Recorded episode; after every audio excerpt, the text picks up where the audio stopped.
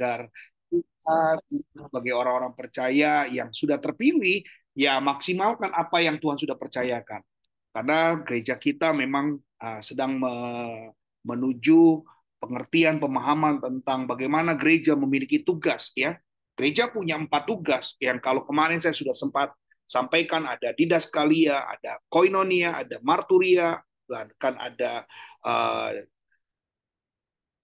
koinonia, marturia, didaskalia, dan diakonia. Ya, jadi mereka masing-masing ini adalah uh, memiliki berbagai cara ya kalau diakonia bicara tentang pelayanan koinonia bicara tentang persekutuan marturia bicara tentang bersaksi dan malam hari ini pemuritan ya bicara tentang didaskalia nah berbagai macam kita lakukan dalam pembelajaran memang ini adalah salah satu cara yang terbaik bagaimana kita bisa memahami bahwa pemuritan itu tidak boleh berhenti gereja harus melakukan yang namanya sebuah pemuritan apa sih kegunaan pemuritan Ya, biasanya kalau kita memahami tentang pemuritan, kita akan menemukan di mana kita akan belajar begitu.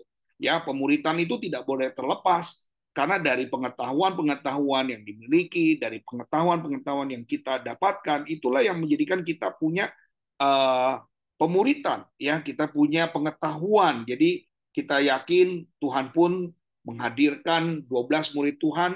Ya, inilah yang saya katakan sebagai Eh, bagian dari rencana Tuhan juga sehingga kita sebagai orang percaya yakin bahwa di dalam setiap langkah di dalam setiap kelakuan kita kita akan selalu menjadi orang-orang yang terbaik ini yang paling penting ya orang-orang yang terbaik itulah yang Tuhan inginkan terjadi dalam diri saudara sehingga siapa pun di dalam kehidupan kita kita yakin ya jadi kalau kita ingin masuk dalam pemuritan di dalam gereja biasanya ini adalah sebuah proses. Pemuritan ini adalah sebuah proses proses perubahan ya, proses perubahan bahkan membawa mereka-mereka yang awalnya tidak mengenal kepada Kristus itu menjadi mengenal kepada Kristus. Bukankah Tuhan selalu mengatakan serupa dan segambar dengan Dia? Nah, ini yang Tuhan mau. Nah, Yesus mendekati mereka, ini Matius 28, kepada kepadaku telah diberikan segala kuasa di sorga dan di bumi. Karena itu pergilah jadikan semua bangsa muridku dan baptislah mereka dalam nama Bapa dan Anak dan Roh Kudus dan ajarlah mereka melakukan segala sesuatu yang telah kuperintahkan kepadamu dan ketahuilah aku menyertai kamu senantiasa sampai kepada akhir zaman. Yang percaya bilang puji Tuhan. Nah, jadi kalau hari ini kita melakukan sebuah pemuritan, kita melakukan suatu pengajaran kepada orang-orang lain, ini adalah bagian di mana kita melanjutkan tugasnya.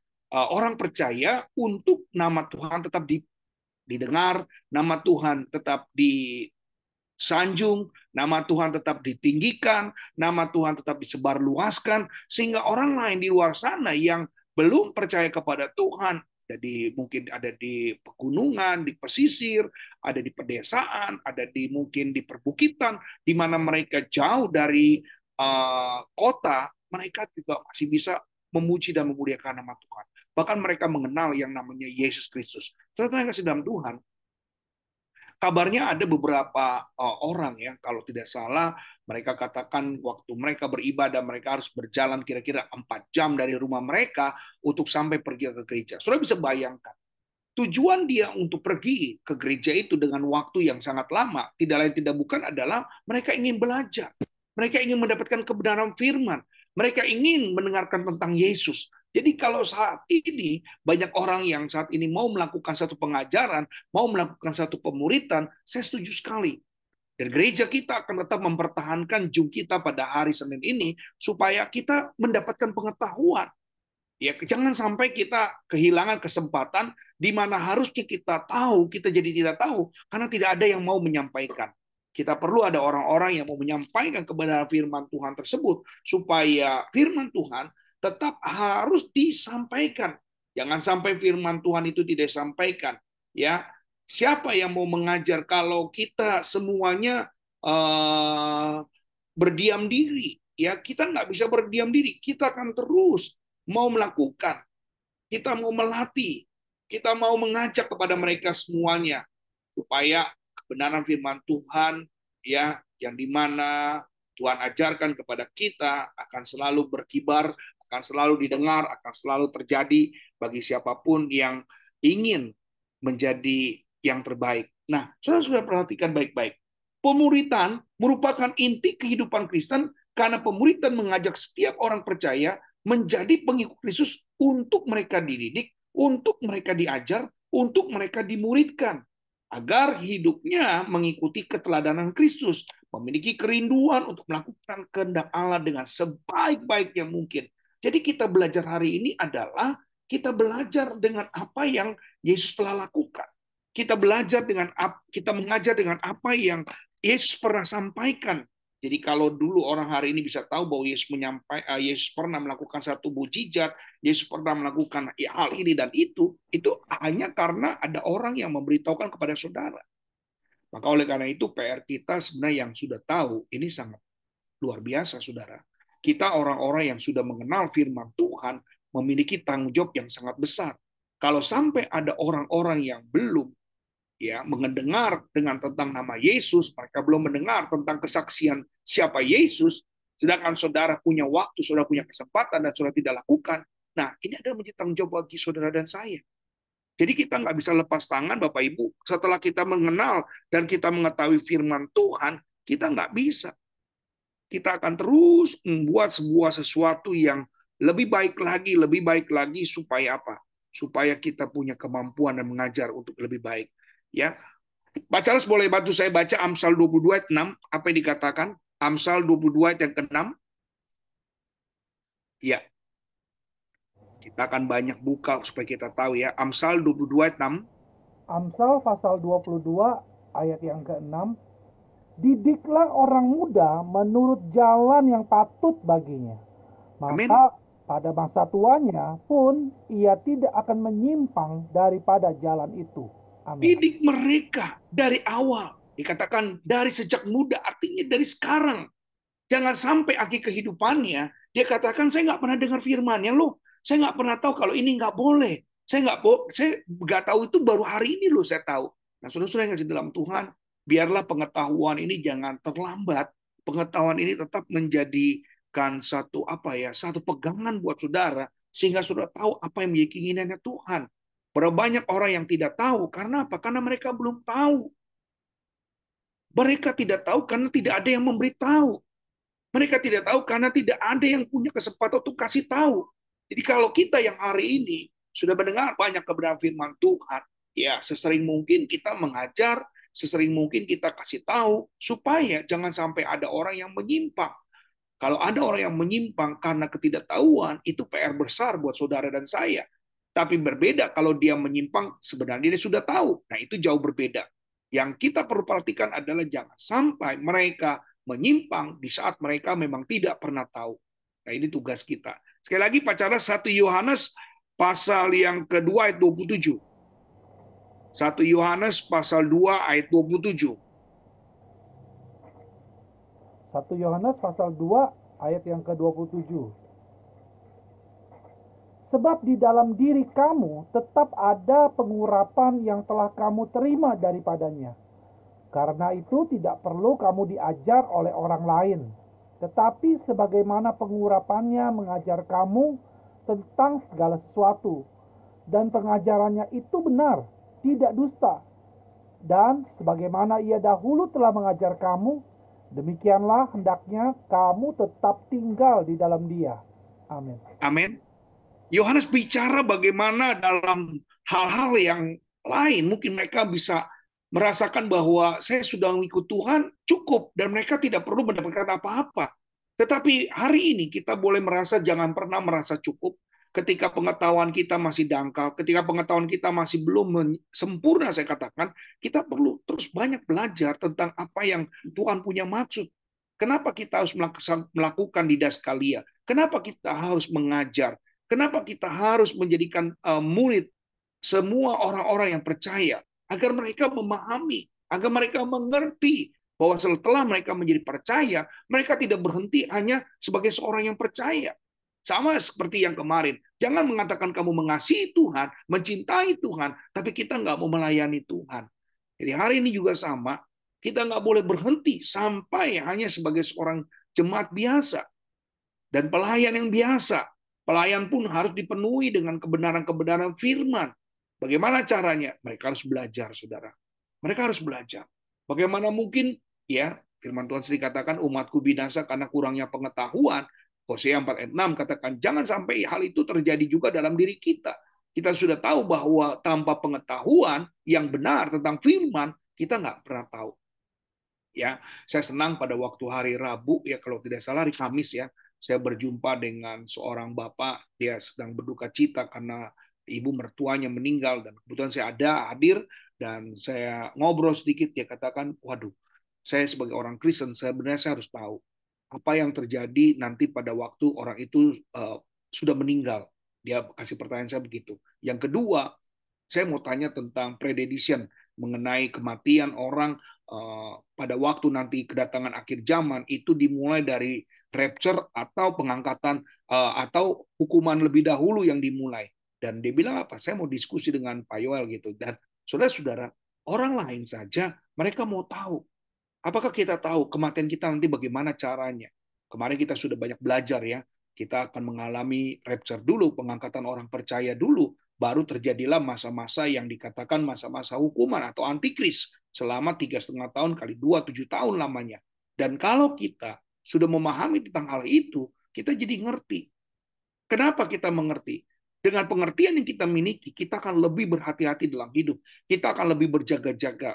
Dan bagaimana kita ngerti kalau kita nggak diajar? Dan sayang sekali, saya selalu ingat bahwa Saudara-saudara jangan hanya stop menjadi seorang jemaat saja, tapi banyaklah pengetahuan supaya banyak pengetahuan ini menguntungkan buat saudara dan saya, sehingga kita jangan sampai kita lalai, kita menjadi uh, alpa dalam hal seperti ini karena kita nggak tahu apa yang harus kita kerjakan, apa yang harus kita lakukan. Nah, istilah disciple atau pemuritan berasal dari kata Yunani, ya dan yang mana berarti seorang siswa atau anak didik atau seorang guru, seorang yang sedang magang atau seorang ahli diturunkan kepada bahasa Inggris berkata disciples yang berarti seorang learner, seorang pelajar. Kendati kata ini lebih umum dalam bahasa Inggris dikatakan student. Saudara-saudara, kata pemuritan berasal dari kata disciple atau orang-orang yang disiplin. Yang mana kita pahami bahwa seorang murid ya tidak lebih apa yang mereka harus lakukan setiap apa pun diberikan tugas, dia tidak pernah bisa menentang, melawan, ataupun uh, tidak mengerjakan. Dan Tuhan mau supaya kita juga jadi murid. Kita mendengar, kita memperhatikan, lalu kita mengerjakan. Dan bagaimana kalau kita menjadi murid? Ya, kita tetap tampil menjadi seorang yang cukup baik. Ya, murid ketika dia dihukum, dikasih tugas, dia tidak pernah mau uh, tidak mengerjakan. Dia tetap mengerjakan. Bahkan ketika dapat hukuman, dia pun tidak pernah berani untuk meninggalkan kelas. Dia tetap bertahan dalam kelas. Dan ini adalah gambaran bagaimana saudara dan saya. Jangan sampai kita diajar, kita justru malah meninggalkan Tuhan. Kita nggak mau diajar, kita merasa bahwa ini nggak perlu, ini nggak penting. Dan oleh karena itu, mari kita sama-sama. Kenapa kita adalah dikatakan pemuritan abadi? Karena kita nggak ada waktu untuk berhenti belajar. Kapan kita berhenti belajar? Enggak. Kata uh, Confucius ya saya pernah dengar membaca buku uh, Confucius ya Confucius bilang katakan orang belajar itu tidak ada batasnya. Orang belajar itu sampai ia masuk dalam liang kubur. Jadi kalau orang mau belajar itu tidak ada yang namanya kata berhenti. Ya orang belajar itu tidak ada kata berhenti dia akan terus melatih dia terus akan melakukan apa yang menjadi tanggung jawab eh, dia kepada siapa pun. Jadi kita mau kalau hari ini kita diajak untuk belajar, kita diajak untuk bisa memahami tentang pengetahuan dan ini adalah sesuatu yang terus harus kita lakukan dan kita kerjakan. Dan kita nggak bisa berhenti. Sama tadi katakan, Confucius bilang apa? Orang nggak ada waktu untuk berhenti dalam belajar. Dan dia bisa berhenti belajar ketika dia sudah masuk dalam liang kubur. Saudara-saudara bisa bayangkan, Seorang murid berbeda dari seorang rasul yang mana berarti seorang utusan atau pembawa pesan. Seorang murid adalah orang yang belajar dari seorang guru, sedangkan seorang rasul adalah orang yang diutus untuk menyampaikan ajaran-ajaran atau pesan yang diterimanya. Saudara-saudara bisa pahami bahwa kita tidak dilahirkan menjadi seorang rasul, tapi kita dilahirkan sebagai seorang murid, di mana murid adalah orang yang selalu mau belajar. Nah hari ini gereja kekristenan perlu orang-orang yang mau belajar, saudara. Sehingga kita tahu apa sih yang harus kita lakukan. Contohnya seperti yang saya sampaikan. Saya sudah sering bilang ya, siapa yang menggantikan Yesus ketika dia naik ke surga? Kita. Kalau kita nggak mengajar, kita nggak akan pernah tahu bahwa saya harus melakukan bagiannya Yesus. Saya harus mengerjakan apa yang Yesus suruh, apa yang Tuhan perintahkan, apa yang Yesus suruh buat saudara kerjakan dan saya kerjakan. Jadi nggak akan pernah saudara merasa bahwa saya ah saya diam saja. Ya saya nggak perlu belajar dan bahkan firman Tuhan sendiri katakan kalau saudara mengerjakan itu kita jauh lebih besar saudara. Ya kita mengerjakan jauh lebih besar dari apa yang Tuhan lakukan. Tuhan kerjakan gitu. Jadi kalau kita tahu bahwa kita jauh lebih besar jauh lebih melakukan yang kita pikirkan ini akan terjadi dalam diri kita. Ya walaupun Tuhan katakan dia akan melakukan jauh lebih besar dari apa yang kita pikirkan tetapi waktu kita bisa melakukan mujizat-mujizat Tuhan kita justru melakukan yang lebih besar dari apa yang Tuhan lakukan. Ya kita bisa mengerjakan apa yang jauh lebih besar dari Tuhan kerjakan dari Tuhan lakukan. Jadi saudara-saudara ini adalah salah satu yang membuat kita menjadi bangga menjadi uh, sedang begitu Pacarnya suruh bantu saya Yohanes 14 ayat 12 sampai 14. Yohanes 14 ayat 12 sampai 14. Ya. Yohanes 14 ayat 12 sampai 14. Demikian firman Tuhan. Aku berkata kepadamu, sesungguhnya barang siapa percaya kepadaku, ia akan melakukan juga pekerjaan-pekerjaan yang aku lakukan. Hmm. Bahkan pekerjaan-pekerjaan yang lebih besar daripada itu. Lebih besar daripada itu. Siapa yang lakukan? Jadi Tuhan sebenarnya ya pasti kita nggak bisa membandingkan. Karena apa? Dia hanya tiga setengah tahun dengan saudara bisa ada dalam dunia ini bertahun-tahun. Kalau dikatakan lebih besar, saya setuju sekali. Ya betul. Karena kita punya waktu jauh lebih besar. Kita punya waktu jauh lebih banyak. Lanjut. Sebab aku pergi kepada Bapa dan apa juga yang kamu minta dalam namaku, aku akan melakukannya, supaya Bapa dipermuliakan di dalam anak.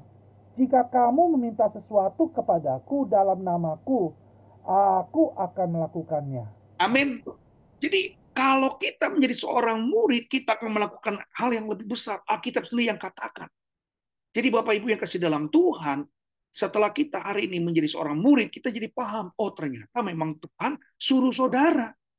Jadi yang dikatakan ketika Yesus naik ke surga bukan tugas roh kudus yang menginjil untuk bawa jiwa-jiwa. Tetapi Anda, kita yang akan memenangkan jiwa-jiwa. Kita yang akan membawa orang-orang untuk melakukan perintahnya Tuhan. Kita kasih tahu orang lagi, eh kamu harus lakukan perintah Tuhan ya. Kamu harus mengerjakan pekerjaan Tuhan ya. Coba kalau kita tadi baca di dalam Matius ini, apa yang kita Matius katakan? Ya. Dan ajarlah mereka melakukan segala sesuatu yang telah kuperintahkan kepadamu. Dan ajarlah mereka melakukan segala sesuatu yang telah kuperintahkan kepadamu. Apa yang diperintahkan? Karena itu pergilah jadikan semua bangsa muridku, baptislah mereka dalam nama Bapa dan Anak dan Roh Kudus dan ajalah mereka melakukan segala sesuatu yang telah kuperintahkan kepadamu. Apalagi perintahnya? Karena itu pergilah jadikan semua bangsa murid. Jadi ayat ini tidak akan ada perhentian atau berhenti. Dan itu dilakukan oleh saudara dan saya. Setiap orang yang sudah melakukan itu kembali lagi dia lakukan yang sebelumnya orang lain kerjakan dan lakukan juga. Jadi kita tidak ada yang namanya berhenti dalam belajar. Jadi dalam ayat dan ayat kita sudah mulai memahami, wah berarti saya punya tanggung jawab besar ya. Saya punya tanggung jawab bahwa mereka memang harus melakukan. Ya, di sana dikatakan aku menyertai engkau sampai kepada akhir zaman. Ini sesuatu yang buat saya adalah sesuatu yang uh, luar biasa ya. Bahkan Tuhan juga mengajarkan ini bukan hanya berhenti kepada seorang antara pendeta kepada jemaatnya, tetapi kepada orang tua, kepada anak-anak mereka. Baca, bantu saya baca ulangan 6 ayat 6 sampai 9. Jadi kita bisa mengajar bukan hanya kepada orang lain juga. Memang jemaat mula-mula itu bukan di gereja, tapi jemaat mula-mula itu adalah keluarga saudara, keluarga kita. Jangan kita ngomong keselamatan dengan orang lain, kita ngomong keselamatan dengan orang di luar sana, sedangkan keluarga kita sendiri belum mengenal yang namanya keselamatan. Jadi kita juga harus lakukan ini kepada keluarga kita. Ulangan 6 ayat 6 sampai 9, silakan Pak Charles. Ulangan 6 ayat 6 sampai yang ke-9, apa yang kuperintahkan kepadamu pada hari ini haruslah engkau perhatikan. Haruslah engkau mengajarkannya berulang-ulang kepada anak-anakmu dan membicarakannya apabila engkau duduk di rumahmu. Apabila engkau sedang dalam perjalanan, mm-hmm. apabila engkau berbaring dalam berbaring dan apabila engkau bangun, haruslah juga engkau mengikatkannya sebagai tanda pada tanganmu dan haruslah itu menjadi lambang di dahimu dan haruslah engkau menuliskannya pada tiang pintu rumahmu dan pada pintu gerbangmu. Amin. Amin. Sudah bisa bayangkan apa dikatakan ajar mereka berulang-ulang. Firman Tuhan sudah ingatkan kepada kita kalau ada kata pengulangan diulang-ulang artinya harus sesering mungkin. Kita nggak bisa mengajar itu, ah udah dia udah ikut sekolah minggu, ah, pasti guru sekolah minggunya udah ngajar dia lebih baik lagi. Tidak. Saudara tetap sebagai bapak, sebagai orang tua tetap harus memberikan rasa uh, hormat mereka kepada Tuhan rasa takut mereka kepada Tuhan. Jadi kenapa kita dikatakan seorang uh, seorang murid abadi? Karena kita terus belajar, kita terus mengajar. Bahkan kalau saudara punya kesempatan, saudara juga bisa mengajar cucu-cucu saudara untuk takut akan Tuhan. Jadi kita mengajar bukan hanya kepada jemaat saja, tetapi pada anggota keluarga kita yang harus tetap menjadi perhatian saudara dan saya. Jadi jangan sampai kita lupa kita alpa dalam hal ini tidak melakukan apa yang memang bagian saudara, tugasnya saudara. Ya, kalau saudara lihat dalam Matius 19 ayat 14, ini saudara ada hukuman kalau saudara tidak melakukan buat anak-anak saudara. Tolong baca baca lagi Matius 19 ayat 14, kalau saudara tidak mengajar anak-anak saudara dengan baik, saudara tidak mengajar anak saudara dengan benar. Nah, ini ayatnya ada pembandingnya, saudara. Silakan Pak Charles. Matius 19 14. Matius 19 ayat 14, tetapi Yesus berkata, Biarkanlah anak-anak itu, janganlah menghalang-halangi mereka datang kepadaku, sebab orang-orang yang seperti itulah yang empunya kerajaan surga. Amin.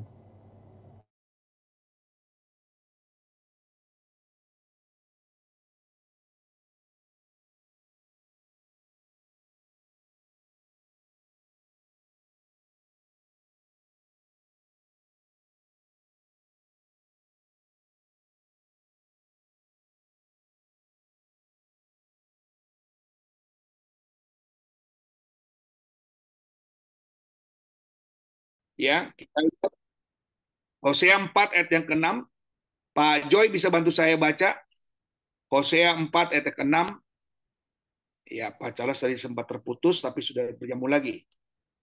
Bisa Pak Pak Joy? Ya, sebentar. Hosea 4 ayat yang ke-6. Hosea 4 ayat yang ke-6.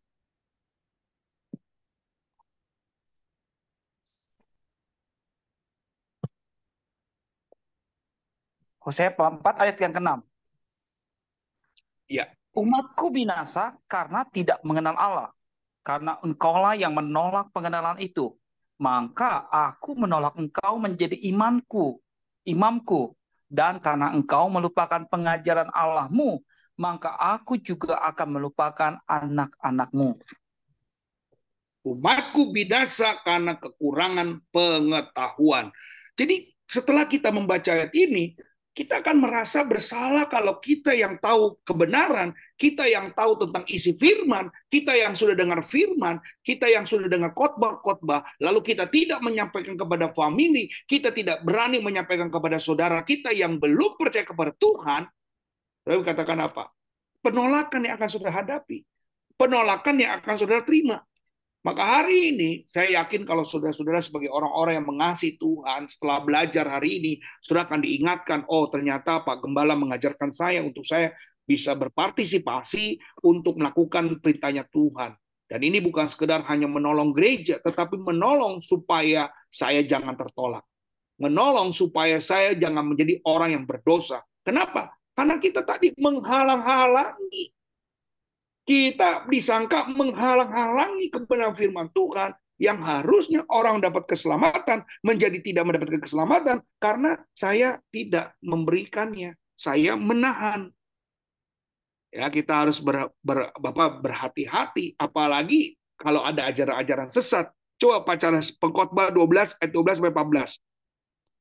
Nah, ini kalau orang yang akhirnya dia dapat firman yang salah, lain ya, saya katakan gini ya, lain ibu bapak, kalau misalnya dia sudah mengerti firman, lalu dia belajar dengan yang lain, lalu dia jadi nggak percaya, itu beda. Tetapi yang saya mau cari adalah orang yang belum mengenal kepada Tuhan, pada waktu dia berbuat dosa, dia nggak tahu kalau itu dosa. Nah, kesalahan kita adalah kita belum menyampaikannya. Ada orang yang berpikir bahwa itu tidak dosa. Tetapi ketika orang itu sudah mengenal yang namanya kebenaran, dia tidak dengan sendirinya akan berhenti dan dia tidak akan mengulangi. Biasanya gitu, karena dia udah tahu yang salah dan yang benar. Silakan Pak Charles. Pengkhotbah 12 ayat 12 sampai 14.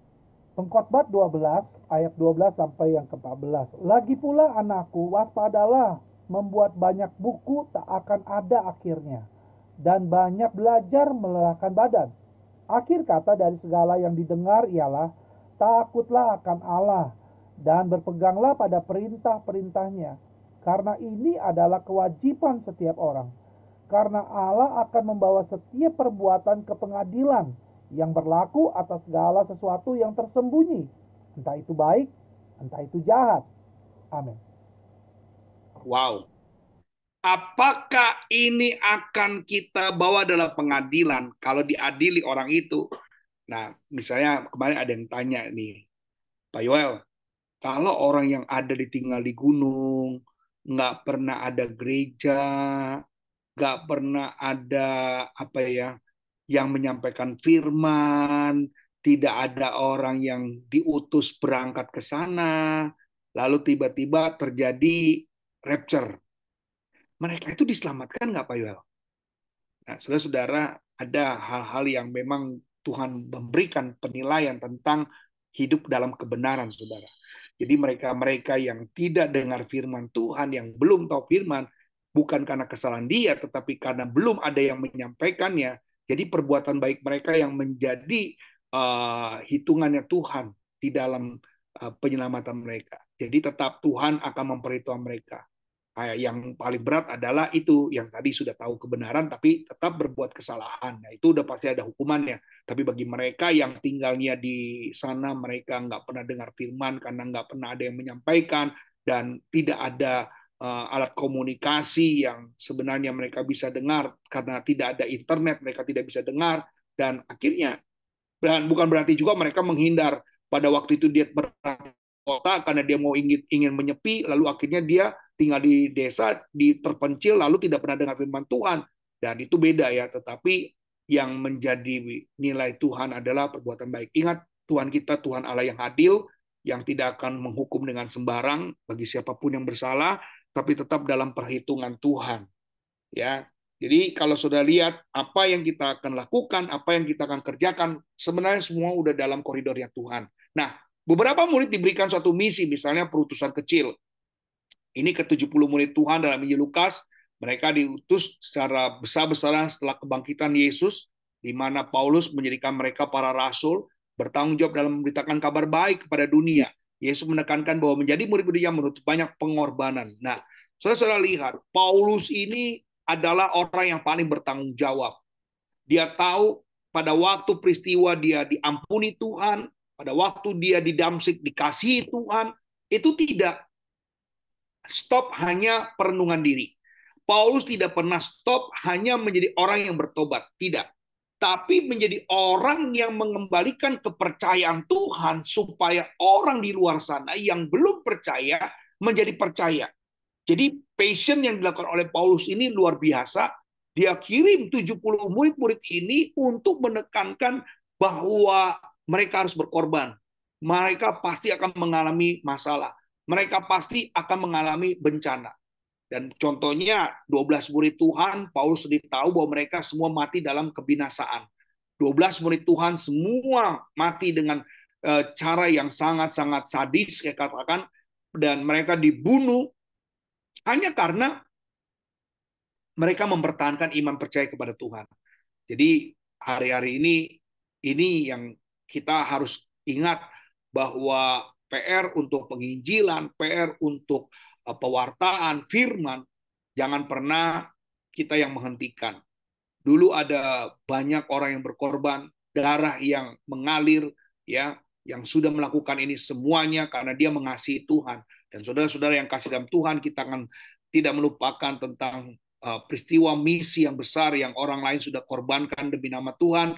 Dan jangan sampai kita yang menghentikannya hanya gara-gara kita tidak mau diutus, hanya gara-gara kita tidak mau menjalankannya. Nah, kita harus tetap melakukan. Saudara, kita tetap di mana pun kita berada, di mana pun kita ditempatkan, yang namanya peristiwa tentang penginjilan, tentang cerita tentang Yesus sebagai Tuhan dan Juru Selamat, saya kasih tahu kepada Bapak Ibu, jangan pernah berhenti, saudara. Omongin. Ketika sudah mengalami apa pun, ketika sudah mendapatkan sesuatu apa pun, cerita tentang Tuhan supaya dari mulut saudara tidak ada uh, satu hari pun ataupun terlewatkan untuk saudara cerita tentang Tuhan. Ya, sebisa mungkin saudara bisa memperkenalkan Kristus, sebisa mungkin saudara kasih tahu ini adalah keajaiban Tuhan. Dengan memuji nama Tuhan, dengan besarkan nama Tuhan, orang menyapa saudara, apa kabar? Shalom, Tuhan Yesus baik, luar biasa. Tuhan pelihara hidup saya, Tuhan jagai hidup saya. Dan hari ini ketika kita banyak mempromosikan nama Tuhan, kita banyak meninggikan nama Tuhan dan orang lain mendengar tentang nama Tuhan, saya percaya ada gerakan roh Tuhan yang bekerja untuk mereka juga mau tahu dan mereka mau merasakan kuasa dan kasih Tuhan. Amin. Itu yang saudara rasakan. Jangan sampai rasa itu hanya berhenti dalam diri saudara. Tapi harus ada orang lain yang mengalami juga bersama dengan Kristus. Ya, kita harus lakukan apa yang dilakukan oleh Paulus. Nah, ini tadi saya sempat cerita Paulus. Apa yang Paulus kerjakan?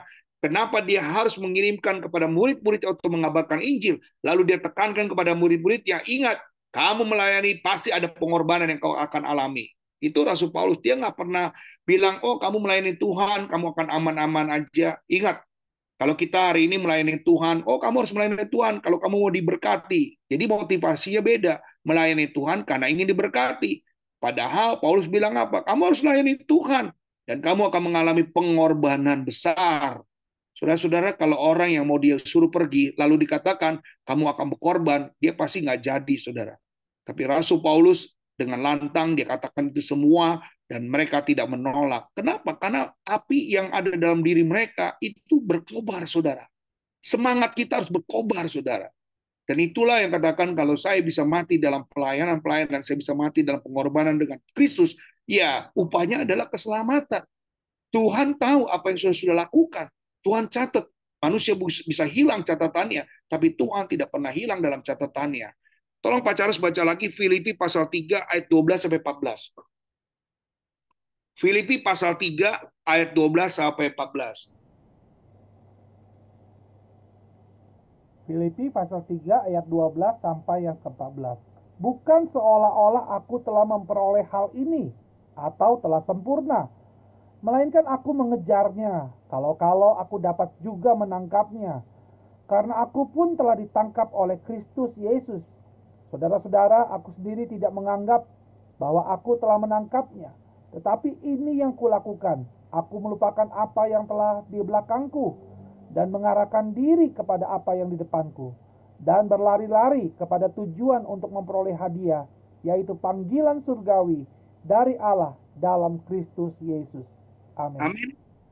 Tetapi dikulakukan aku melupakan apa yang telah di belakangku dan mengarahkan diri kepada apa yang ada di hadapanku.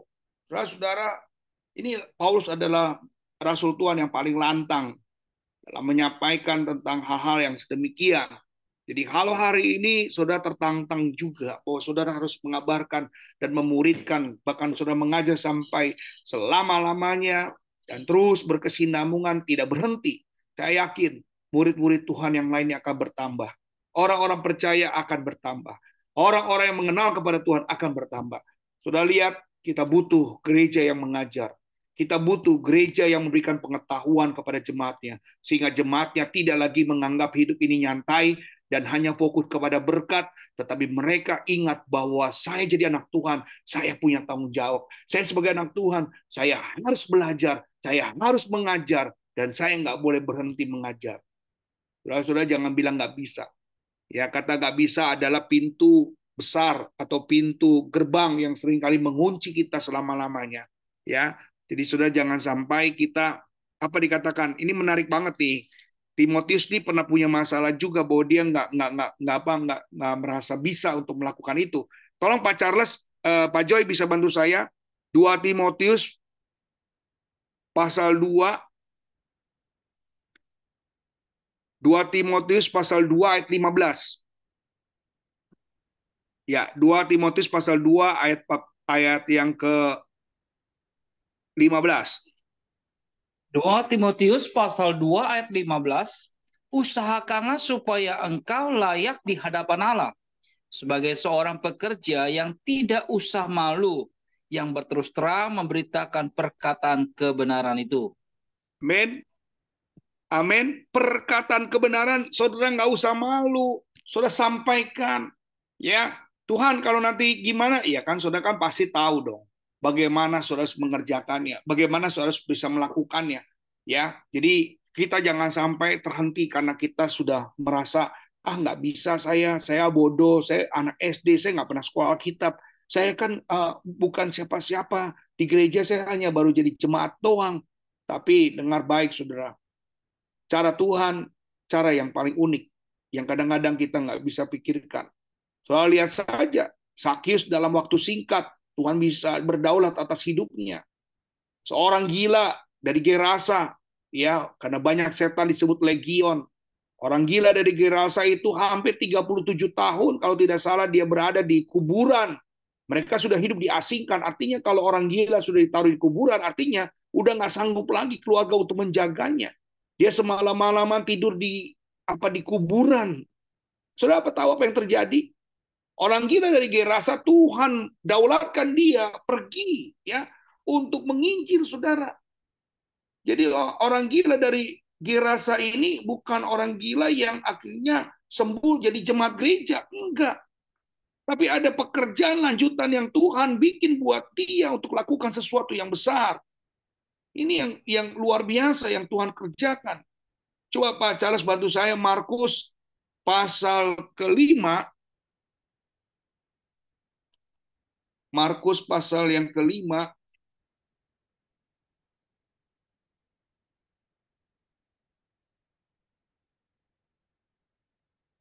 Iya, bentar saya kasih lebih cepat saja ya. 14 deh. 14 sampai 20. Markus pasal 5 ayat 14 sampai yang ke-20. Maka Nanti Iya. Maka larilah penjaga-penjaga babi itu dan menceritakan hal itu di kota dan di kampung-kampung sekitarnya. Lalu keluarlah orang untuk melihat apa yang terjadi. Mereka datang kepada Yesus dan melihat orang yang kerasukan itu duduk sudah berpakaian dan sudah waras. Orang yang tadinya kerasukan legion itu, maka takutlah mereka. Orang-orang yang telah melihat sendiri hal itu menceritakan kepada mereka tentang apa yang telah terjadi atas orang yang kerasukan setan itu dan tentang babi-babi itu. Lalu mereka mendesak Yesus supaya ia meninggalkan daerah mereka. Pada waktu Yesus naik lagi ke dalam perahu, Orang yang tadinya kerasukan setan itu meminta supaya ia diperkenankan menyertai dia. Yesus tidak memperkenankannya, tetapi ia berkata kepada orang itu, "Pulanglah ke rumahmu, kepada orang-orang sekampungmu, dan beritahukanlah kepada mereka segala sesuatu yang telah diperbuat oleh Tuhan atasnya, atasmu, dan bagaimana ia telah mengasihani kamu." Nah, ayat 20, perhatikan baik-baik. Ayat 20, apa yang terjadi dengan orang itu? setelah disembuhkan. Iya. Orang itu pun pergilah dan mulai memberitakan di daerah Dekapolis. Oh, memberitakan. Orang gila memberitakan Injil. Dulu orang kenal dia adalah orang gila yang tinggal di kuburan puluhan tahun lamanya. Tapi setelah sembuh, dia menawarkan diri. Dia memberitakan. Maka kalau orang-orang yang mengasihi Tuhan, mencintai Tuhan, bukan menggantikan dirinya untuk disalib, tetapi melakukan perintah Tuhan. Lanjut. Segala apa yang telah diperbuat Yesus atas dirinya, Dan mereka pun semua menjadi heran. Wow. Luar biasa. Bapak Ibu kasih dalam Tuhan, ini sesuatu yang buat kita semua menjadi bangga. Jadi memang itu yang harus kita lakukan, itu yang harus kita kerjakan. Kalau saudara sekedar jadi jemaat saja, ya berkali-kali saya selalu ngomong, aduh kalau saudara hanya jadi jemaat, saudara nggak akan bisa jadi apa-apa. Saudara harus meningkat, saudara harus naik level, saudara harus naik kelas. Kalau kita berhenti jadi jemaat, saudara nggak akan ada keselamatan untuk mendapatkan mahkota surgawi. Ya memang waktu sudah berjadi jemaat di hari Minggu saja, tapi Senin sampai Sabtu jangan lupa saudara harus menginjil. Saudara punya kesempatan harus pergi ke rumah sakit, doakan orang-orang yang sakit. Saudara bilang, Pak Gem, saya mau mau melayani dalam bidang ini. Tolong Pak Gem didukung saya. Saya mau melayani di bagian radio, saya mau melayani bagian media sosial. Pokoknya saya akan sebarkan semua tentang uh, khotbah-khotbah, firman-firman Tuhan supaya orang-orang diberkati. Pak, Bu, ini kesempatan. Ini kesempatan. Ya bagaimana kalau kita diberikan kesempatan kita nggak melakukannya, berarti kan kita menghalang-halangi. Kita menunda-nunda. Kita nggak boleh menunda-nunda. Kita tetap ya yang Tuhan perintahkan, yang Tuhan rindukan buat saudara, ya ini tetap saudara menjadi orang yang paling bertanggung jawab. Kalau saudara tidak melakukan ini semuanya, kita akan menjadi orang-orang yang apa? Yang menyesal di suatu hari nanti. Ya, kalau saudara sudah menyesal, nanti saudara akan menjadi orang-orang yang merasa takut. Kenapa? Karena saya merasa orang yang tidak mengerjakan apa pun. Saya tidak memahami apa pun. Nah, hari ini kita menjadi orang-orang yang punya akal budi ya. Sekali lagi kita adalah orang yang punya akal budi. Kita dikasih hikmat sama Tuhan. Kita diajar dengan firman Tuhan. Ayo jangan sampai ya kita menjadi orang-orang yang salah di hadapan Tuhan, kita menjadi orang-orang yang salah di hadapan Kristus karena kita tidak melakukan apa pun apa yang Tuhan suruh buat saudara. Ya. Nah, kita lihat di bawah di atas ini manfaat disiplin rohani. Ya, kalau kita lihat kita perlu orang-orang yang punya kedisiplinan ya wanita-wanita yang Tuhan pilih ya. Bukan wanita-wanita yang hebat ya. Yang melahirkan Yesus kalau sudah perhatikan dalam kitab Matius pasal 1 ada wanita-wanita dursila ada wanita-wanita yang kurang baik-baik tetapi Tuhan bisa pakai mereka. Kenapa? Karena mereka jauh lebih disiplin daripada apa yang saat ini kita lihat apa yang kita saksikan. Dan saudara-saudara yang kasih dalam Tuhan mari. Ternyata kalau kita mau jadi pemuritan, kita harus belajar. Ya, yang pertama semakin mengenal Tuhan. Kenapa? Kalau kita mau disiplin rohani kita, kita mau tahu tentang firman Tuhan yang baik dan benar, kita harus mengenal Tuhan. Apa yang menjadi kesukaan Tuhan, apa yang menjadi keinginan Tuhan, harus kita pahami. Pak Joy baca Filipi 3 ayat 10. Kalau saudara hari ini Filipi 3 10. Ya, silakan. Filipi 3 ayat 10, yang ku kehendaki ialah mengenal dia dan kuasa kebangkitannya dan persekutuan dalam penderitaannya, di mana aku menjadi serupa dengan dia dalam kematiannya. Amin. Ini yang harus kita terapkan. Serupa, segambar. Bukan hanya bicara tentang saudara mengenal saja bagian luarnya. Atau sekedar tahu kalau yang namanya mengenal, sudah tahu dengan segala apa yang menjadi kesukaan Tuhan, keinginan Tuhan, itu mengenal. Kalau tahu, ya hanya sekedar tahu. Saya tahu Tuhan, ya tahu Tuhan. Tapi kan sudah nggak tahu apa yang menjadi keinginan Tuhan, hanya tahu. Kayak saya, saya tidak mengenal Jokowi, tapi saya tahu Jokowi. Kalau saya yang namanya saya mengenal Jokowi, Jokowi juga mengenal saya. Jadi saya tahu Pak Jokowi kalau makan dia sukanya apa. Hari ini saya belum tahu kesukaan dia apa. Tapi kalau saudara mau mengenal, artinya saudara harus mau mendalam apa yang dia inginkan, apa yang dia punya mau. Yang kedua, merasakan penyertaan Tuhan. Jadi apa pun yang saudara hari ini kerjakan, apa pun yang saudara hari ini eh, lakukan, saudara harus memulai dengan menyertakan Tuhan. Silakan, Pak Joy, Mazmur 23 1. Mazmur 23 ayat pertama, Tuhan adalah gembalaku, takkan kekurangan aku. Amin. Tuhan adalah gembalaku, takkan kekurangan aku. Inilah waktu di mana kita mulai memahami. Yang ketiga, menikmati kasihnya Tuhan. Mazmur 34 ayat 9 sampai 10. Silakan lagi Pak Calon. Kita lihat Mazmur pasal 34 ayat 9 sampai 10. Silakan. Ya. Ya, Mazmur 34 ayat 9 sampai 10. Ya. Takutlah akan Tuhan hai orang-orangnya yang kudus. Sebab tidak berkekurangan orang yang takut akan dia. Singa-singa muda merana kelaparan, tetapi orang-orang yang mencari Tuhan tidak kekurangan sesuatu pun. Amin. Orang-orang yang mencari Tuhan tidak akan ada yang namanya berkekurangan. Jadi saudara jangan takut. Yang penting saudara kerjakan. Yang penting saudara lakukan. Kalau tadi saya sampaikan tentang bagaimana orang gila dari Gerasa yang bernama Legion karena banyak setan dalam hidupnya, saya juga memperkenalkan eh, Yohanes uh, pasal 4. Pak Charles tolong bantu saya. Yohanes pasal 4 ayat ke-15. Ayat ke-16 dulu lah. Ya, Yohanes pasal 4 ayat 16. Yohanes pasal 4 ayat 20 ya. Ayat yang ke-16.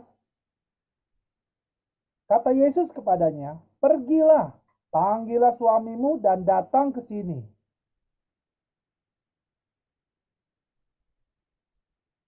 Iya. Terus? Kata perempuan itu, aku tidak mempunyai suami. Kata Yesus kepadanya, tepat katamu bahwa engkau tidak mempunyai suami. Sebab engkau sudah mempunyai lima suami dan yang sekarang pada uh, dan yang ada sekarang padamu bukanlah suamimu. Dalam hal ini engkau berkata benar. Kata perempuan itu kepadanya, Tuhan, nyata sekarang padaku bahwa engkau seorang nabi. Nenek moyang kami menyembah di atas gunung ini, tetapi kamu katakan bahwa Yerusalemlah tempat orang menyembah. Anda lihat apa yang terjadi dengan perempuan itu bukan perempuan baik-baik, tapi kita lihat apa yang terjadi dengan perempuan itu. Ayat 28 sampai 29 uh, ayat 28 sampai 30 Pak Calas. Yohanes 4 ayat 28 sampai yang ke-30. Maka perempuan itu meninggalkan tempayannya di situ lalu pergi ke kota dan berkata kepada orang-orang yang di situ, "Mari, lihat, di sana ada seorang yang mengatakan kepadaku segala sesuatu yang telah kuperbuat. Mungkinkah dia itu Kristus?" Maka mereka pun pergi keluar kota lalu datang kepada Yesus. Nah, ayat 39 sampai 42 39 sampai 42 dan banyak orang Samaria dari kota itu telah menjadi percaya kepadanya karena perkataan perempuan itu yang bersaksi ia mengatakan kepadaku segala sesuatu yang telah kuperbuat. Ketika orang-orang Samaria itu sampai kepada Yesus mereka meminta kepadanya supaya ia tinggal pada mereka. Dan ia pun tinggal di situ dua hari lamanya. Dan lebih banyak lagi orang yang menjadi percaya karena perkataannya. Dan mereka berkata kepada perempuan itu, kami percaya, tetapi bukan lagi karena apa yang telah yang ku katakan, yang kau katakan, tetapi kami sendiri telah mendengar dia dan kami tahu bahwa dialah benar-benar juru selamat dunia. Haleluya. Jelaskan Bapak Ibu. Tadi pacar baca apa? Oh, kamu nggak punya suami? Iya, karena kamu udah punya lima suami. Bayangkan, kalau orang yang punya suami begitu banyak, apa namanya? Wanita yang bukan baik-baik. Tapi, ketika Tuhan tangkap, ketika percaya sama Tuhan, ketika dia mengenal kepada Tuhan, lihat, orang gila dari gerasa, apa kita mau melayani Tuhan, tunggu jadi orang gila dulu? Atau kita menjadi wanita yang nggak baik-baik dulu, baru bisa memenja, apa, melakukan mujizat Tuhan, nggak perlu saudara. Mereka itu bagian artinya gini, orang yang jahat, orang yang kotor, orang yang najis mungkin, orang yang nggak layak, Tuhan bisa pakai untuk memenangkan jiwa. Karena apa? Dia mau mengajar. Yang diajarkan nggak susah-susah. Yang diajarkan apa? Yang Tuhan Yesus sampaikan. So bisa bayangkan ini hal-hal yang luar biasa. Maka kalau kita mau melakukan, maka saya bilang apa? Pemuritan abadi adalah pemuritan yang terus mau terus kita mau lakukan. Kita ini udah ketinggalan zaman, kita udah kehabisan waktu. Time is over. Kalau kita nggak mau melakukan, saudara lihat, Tuhan sudah tunjukkan bagaimana orang gila dari Gerasa, bagaimana wanita Samaria yang notabene bukan perempuan baik-baik, Tadi saya sudah urut bagaimana Pak Charles baca dari wanita itu punya suami berapa. Dan wanita itu akhirnya meninggalkan timbanya. Dia pergi kasih tahu apa yang dia dengar dari Yesus.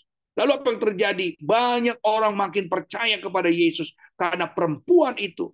Dan pada akhirnya orang lagi jadi percaya dibilang apa? Saya tidak lagi percaya, eh, saya percaya tapi bukan karena perkataanmu, tapi karena saya percaya dengan sendirinya. Ini saudara yang penting dampak manfaat ketika pemuritan itu dilakukan, orang lain akan menjadi guru bagi saudara, guru bagi orang lain.